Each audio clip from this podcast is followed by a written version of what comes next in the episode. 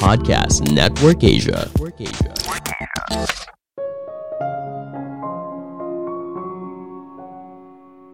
Manusia bebas menentukan ingin jadi siapa aja. Ketika kamu mau jadi seniman, bukan berarti kamu tidak bisa jadi ilmuwan.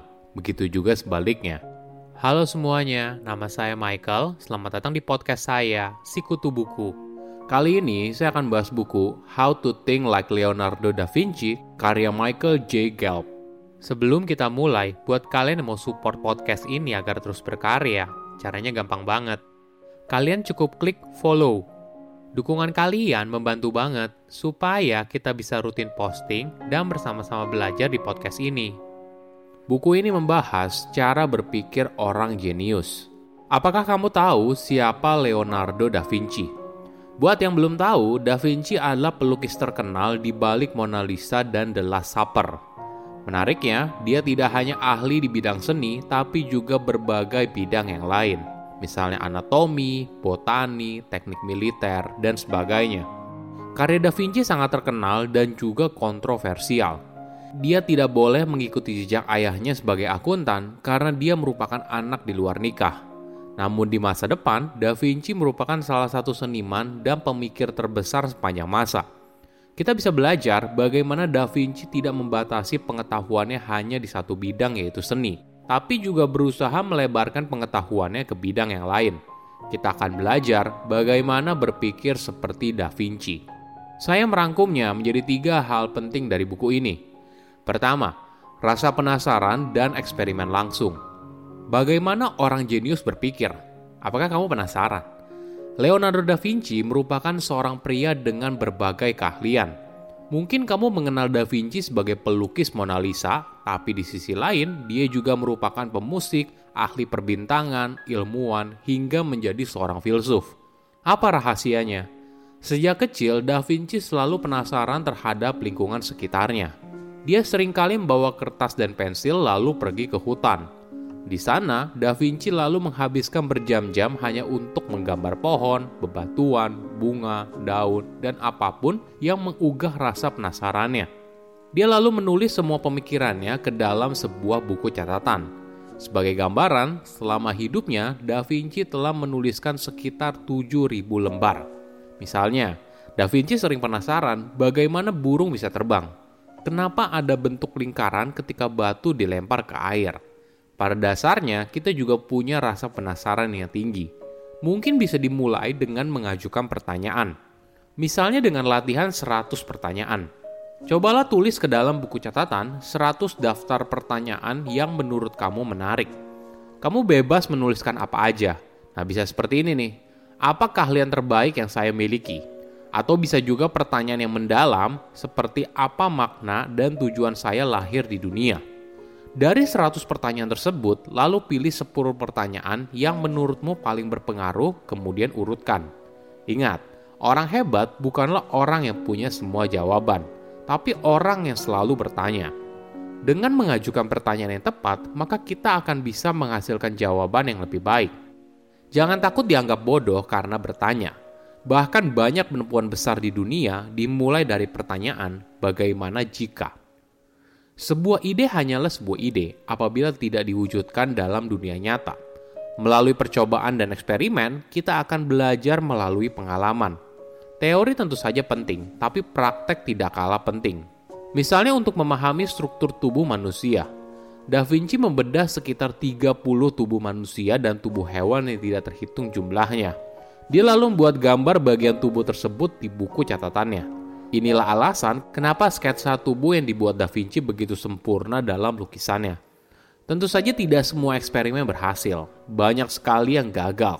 Namun jangan jadikan hal tersebut sebagai penghalang kamu untuk terus mencoba.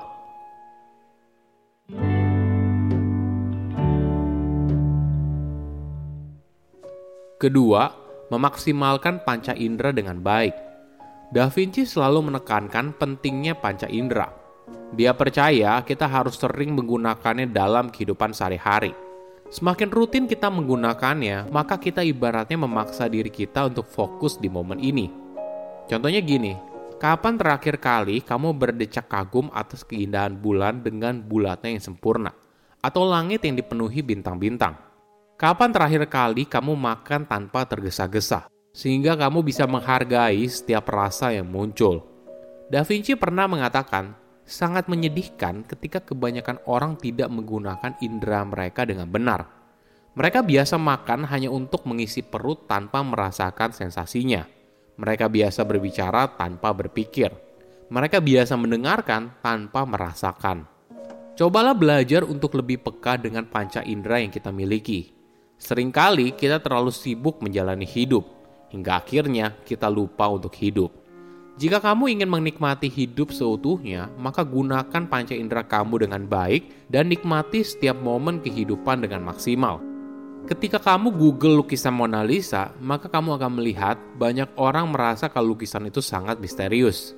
Tidak ada yang tahu rahasia senyum Mona Lisa hingga saat ini ada begitu banyak emosi yang tersembunyi dalam dirinya, sehingga kamu tidak akan bisa mengetahui apa perasaan sebenarnya di balik senyuman itu. Menariknya, jika diperhatikan lebih dekat, maka kamu bisa melihat di sudut mulut dan mata Mona Lisa tertutup bayangan terang. Hal ini membuat senyum itu misterius. Alasan utama Da Vinci adalah dia ingin membiarkan kepada para penikmat karyanya untuk mempersepsikan sendiri apa makna di baliknya. Sama halnya ketika kamu menghadapi sebuah masalah. Jangan buru-buru masuk pada kesimpulan. Cobalah untuk melihatnya dari berbagai sisi, hingga akhirnya kamu bisa melihat sesuatu dengan lebih jernih.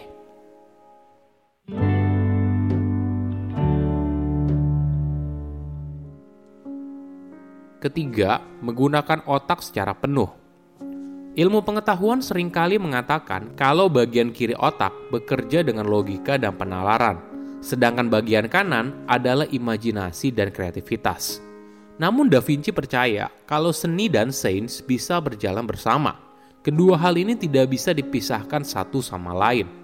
Misalnya dia mengamati secara cermat bagian tubuh manusia, air yang mengalir, dan sebagainya. Lalu menggunakan informasi itu untuk mengekspresikan karya seni. Da Vinci selalu menekankan untuk menggunakan seluruh bagian otak dalam berpikir dia pernah mengatakan, seseorang yang membentuk karya seninya tanpa didukung sains sama seperti pelaut yang mengarungi lautan tanpa kompas. Orang tersebut tidak akan pernah sampai ke tujuan yang dia inginkan. Pola pikir inilah yang menginspirasi metode mind mapping di kemudian hari. Kamu dapat menggunakan metode mind mapping untuk banyak hal, misalnya menentukan tujuan pribadi, perencanaan harian, dan pemecahan masalah. Namun penerapan mind mapping yang paling luar biasa adalah ketika dilatih secara teratur, maka akan melatih kamu untuk menjadi pemikir yang lebih seimbang. Apakah kamu pernah dengar soal big picture? Untuk mencapai hal besar, kita tidak hanya ingin melihat sesuatu dari satu sisi saja, tapi kita harus belajar untuk melihatnya dari perspektif yang lebih luas. Ketika semua yang kita lakukan berhubungan satu sama lain dan berkontribusi pada hal besar dalam hidup. Oke, apa kesimpulannya? Pertama, orang jenius rajin menulis hasil pikirannya. Sejak kecil, Da Vinci selalu penasaran terhadap lingkungan sekitar. Dia sering kali membawa kertas dan pensil lalu pergi ke hutan. Di sana, Da Vinci lalu menghabiskan berjam-jam hanya untuk menggambar pohon, bebatuan, bunga, daun, dan apa pun yang mengunggah rasa penasarannya. Dia lalu menulis semua pemikirannya ke dalam sebuah buku catatan. Sebagai gambaran, selama hidupnya Da Vinci telah menuliskan sekitar 7.000 lembar. Kedua, otak kiri dan kanan sama pentingnya. Ilmu pengetahuan sering kali mengatakan kalau bagian kiri otak bekerja dengan logika dan penalaran, sedangkan bagian kanan bekerja dengan imajinasi dan kreativitas. Namun Da Vinci percaya kalau seni dan sains bisa berjalan bersama. Kedua hal ini tidak bisa dipisahkan satu sama lain – dia pernah mengatakan, seseorang yang membentuk karya seninya tanpa didukung sains sama seperti pelaut yang mengarungi lautan tanpa kompas. Orang tersebut tidak akan pernah sampai ke tujuan yang dia inginkan. Ketiga, menggunakan panca indera dengan sadar. Da Vinci pernah mengatakan, sangat menyedihkan ketika kebanyakan orang tidak menggunakan indera mereka dengan benar. Mereka biasa makan hanya untuk mengisi perut tanpa merasakan sensasinya mereka biasa berbicara tanpa berpikir. Mereka biasa mendengarkan tanpa merasakan. Cobalah belajar untuk lebih peka dengan panca indera yang kita miliki. Seringkali kita terlalu sibuk menjalani hidup hingga akhirnya kita lupa untuk hidup. Jika kamu ingin menikmati hidup seutuhnya, maka gunakan panca indera kamu dengan baik dan nikmati setiap momen kehidupan dengan maksimal. Saya undur diri, jangan lupa follow podcast Sikutu Buku. Bye-bye.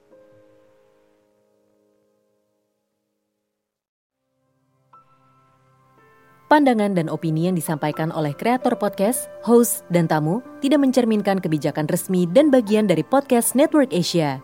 Setiap konten yang disampaikan mereka di dalam podcast adalah opini mereka sendiri dan tidak bermaksud untuk merugikan agama, grup etnik, perkumpulan, organisasi, perusahaan, perorangan, atau siapa pun dan apa pun.